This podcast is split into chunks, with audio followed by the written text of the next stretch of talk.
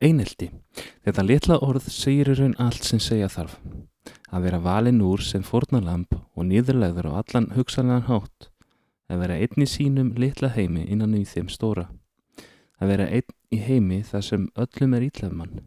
Þar sem allir líta niður á mann vegna þess að það þykir flott á einhvern hátt virðist að binda hópin saman að hafa einhver til þess að nýðast á.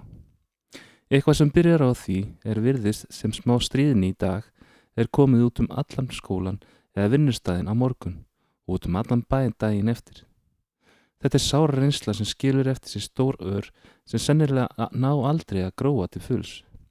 Það eina sem virðist vera hægt að gera er að lifa með þeim. Eineldi veldur bæðið andlegum og líkanlegum sársöka.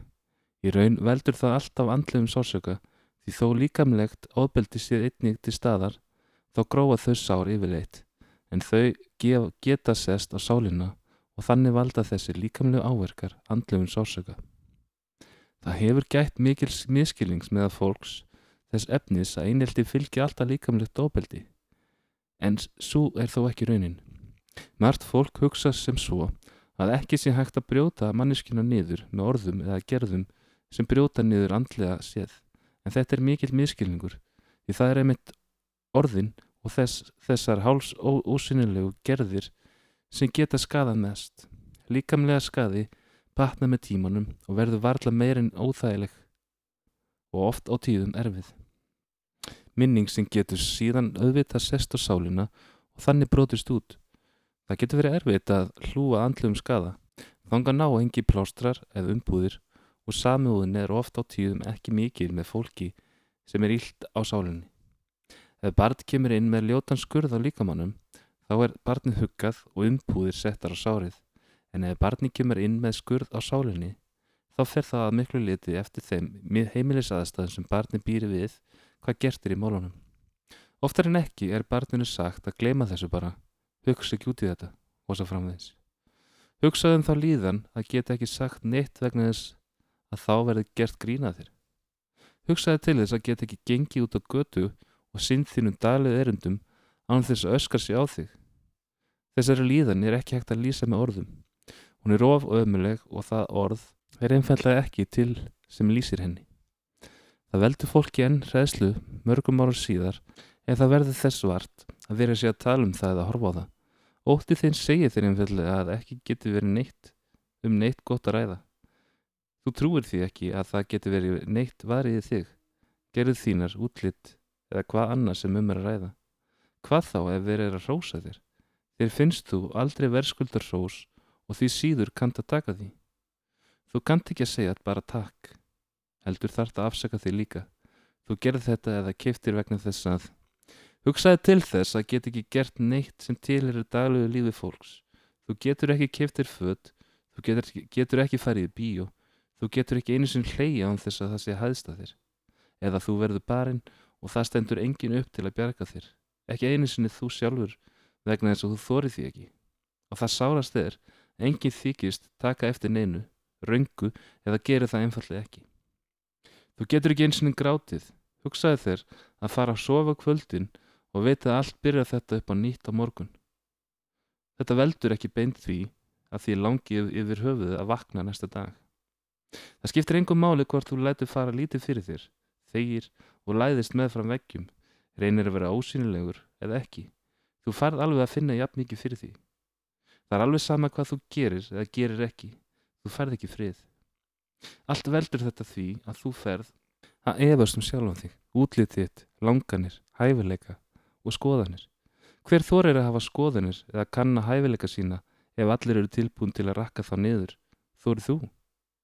Það sem er einslega eins og þessi veldur því vennulega að þú ferð að hata sjálfum þig, þá getur þetta orðið erfitt. Hvernig átt þú að geta séð eitthvað fallegt við mannesku sem aðri fyrirlýta?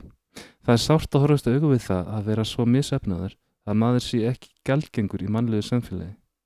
Þessi sásöki nagar þig upp að hinnan þanga til ekkert er eftir. Engar tilfinningar, ekkert. Nefnar hæðsla og sjálfsatur. Þú ferð að hata sjálfan þig fyrir alla þessa galla sem þú greinilega hefur og smám saman með ferð að sjá þá sjálfur. Útlýtskalla þína, gallana gáunum og svo framvegis. Vinirni sem þú taldi þega hverfa smám saman vegna þess að þeir þóra ekki að láta sjást með þér. Þeir verða hlutlausir áhörundur sem rétt ekki einu sinni fram litla puttan þér til hjálpar eða gera neinum viðvart um ástandið. Ef hefnin er með þér þá máttu koma heim til þessara vina þó þeir þekki því varla út á götu og þetta þykkur þú með þakklæti.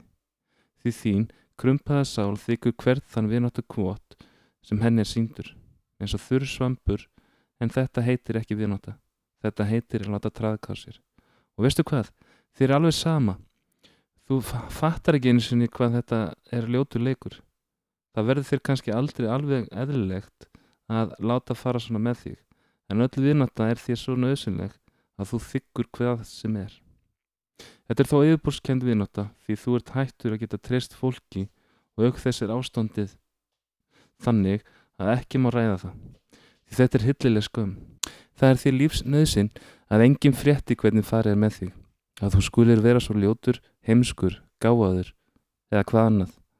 Skömmin er svo mikil að þólendin gerir allt til þess að fela ástandið. Jafnveil hilmir yfir með gerandunum ef því er að skipta. Það kvartlar reyn ekki að þér að gerandu séu að gera neitt ránt eða að sökinn sé þeirra. Jú, kannski djúft í undir meðutundinni, en þú svæfir þær, hugsanir áður en þær ná að brjótast fram. Í þínum huga er skömmin frekar þín þetta er þér að kenna fyrir að vera svona eins og þú ert. Og þú átt þetta fullkomulega skilið. Gerendunir eru ekki að gera neitt ljót. Þú hugsa með þér, all ljóti þetta vera þér að kenna.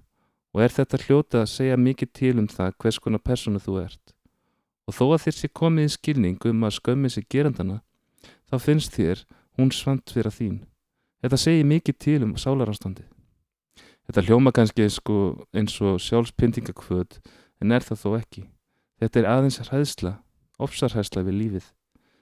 Það er erfitt að vera 8, 10, 12, 14 ára og horfa all lífið framöndan og þurfa að burðast með þetta leindamál á bækinu. Þetta leindamál sem enginn má frétta og óttan við það hvað fólk muni þá halda um þig. Uppur þessu fara áhámálunar skoðanir að týnast því alla þína tilfinningar eru orðnars á dopnar að þú veist einlega ekki hvað er gaman eða leiðanlegt lengur. Það bara er. Uppur þessu fer það flýja inn í ímyndaðan heim, bóka, bíamynda og tölvileikja þar sem þú getur einbettir að einhverju öðru en sjálfum þér og hinn um gráa hverstasleika. Það getur reynst þér erfitt að ræða þetta þegar þú loks hefur þig í að leita þér hjálpar því þú mætir ofta tíðum lítlum skilningi meðal fólks því það virðist ekki sjá mikinn mun á smá stríðinni og mikillistriðinni. Í augum flestur er þetta eitt og hóið sama. Það var þá allavega þar til fyrir fáam árum og í dag loka flestir augunum fyrir þessu. Viðkvæði sem þú færð er aðeins af hverju stríður þeim ekki bara móti. Allir hafa einhverja galla eða veikleika. En það sem þetta góða fólk skilur ekki er að þetta er ekki aðeins smá stríðni eða hrekkur. Heldur er þetta ofsoknir. Eineltið skilur þið eftir í líki niðurbrotina tauga hrúu. Alveg sama hversu sterkur þú varst á meðan þessu stóð, þá brotnar þú niður þegar þú áttar þig á þessu er lokið. Þú vaknar ekki við það einn morgunin að þú sé sloppin klóm einheldisins og hamingja blasir við þér. Ó nei, þegar þú ert sloppin frá þessu, þá kemur aðeins annað í staðin, hræðislan við að hefja þið nýja líf. Á meðan á einheldinu stóð varstu einn í þínum eigin heimi, kannski líka stimmum kassa þar sem allt var dimmt og ömulegt en á vissan hátt varstu farin að aðlæðast, þú vissir hver þú stóðst í marfiðingastíðunum neðst og allir trampandu hausnum á þér. Og þar ertu þegar kassarlóki opnast og þú sér glittaði sólskinnið sem er þó í órafjallegð og þér finnst þú ekki hafa neina krafta í að reyna að klifra upp. Þú þórið því heldur ekki. Þú ert hrettur og er ekki felst í þessum litla dimma kassa sem þú, þú hefur falið því í. Það er svo erfitt að reyna að verða manniski á nýj Þetta er í raun eins og að byrja að lífa upp á nýtt. Læra að kynast fólki og þar að meðal sjálfum þér. Læra að treysta fólki og aftur þar að meðal sjálfum þér. Þessi reynsla skilur eftir sér spór sem verða vegið þínum daglega. Til dæmis það að kynast fólki. Flestir kynast bara fólki án þess að velta því nokkuð fyrir sér hvernig þeir fóru að því. En þólundur eineltis kunna það ekki og virðast alltaf þurfa að finna aðferðið Hvað eigi að segja og hvernig eigi að koma fram? Á meðan öðrum virðist þetta að vera meðfætt. Þú ferð að fylgjast með því hvernig aðri byrja sig að. en þegar upp er staðið græður sannilega ekkert á því. Eins er með mörg atri í daglegu lífinu. Þér finnst annað fólk oft hafa það svo gott en þegar þú hugsar því um þá á það sannilega í sömu smávægilu erfileikunum og þú en einhvern veginn virðist þetta fólk bara taka á þeim og halda áfram að lifa. Málið er bara að þú ert einfallega búin að fá því svo fullsata erfileikum og sjálfströsti er svo lítið að þetta er þér megn. Allt byrjar þetta heima. Börnin fæðast sem fullmótaðar einstaklingar en þau fæðast ekki með skoðanir. Þau fæðast með sinn eigin persónuleika og skapriði en þau fæðast ekki um ílgjöld. Þessi hlutir mótast inn á heimilinu, í nánasta umhverfi barsins og það eru þeir sem barni lítur upp til sem móta þá. Hvernig fyrirmynd vilt þú vera? Vilt að barnið þið tilengi sér það besta eða versta í farið þínu? Vita er að forsprakarnir koma þessa stað til að beina aðteklinni frá þeim sjálfum. Þeir eru að fela erfiðar heimilisastæður eða eftir vill eitthvað aflaga í eigin fari eða sinna nánustu. Hugsaðu þið um og hugsa um það hvernig einstaklingu þú vilt að barnið þitt verði og beindu uppbyldun í þann farveg. Kjörn hlustundur, höfundur af þessari grein er Sigriðu Árdís Kristínadóttir.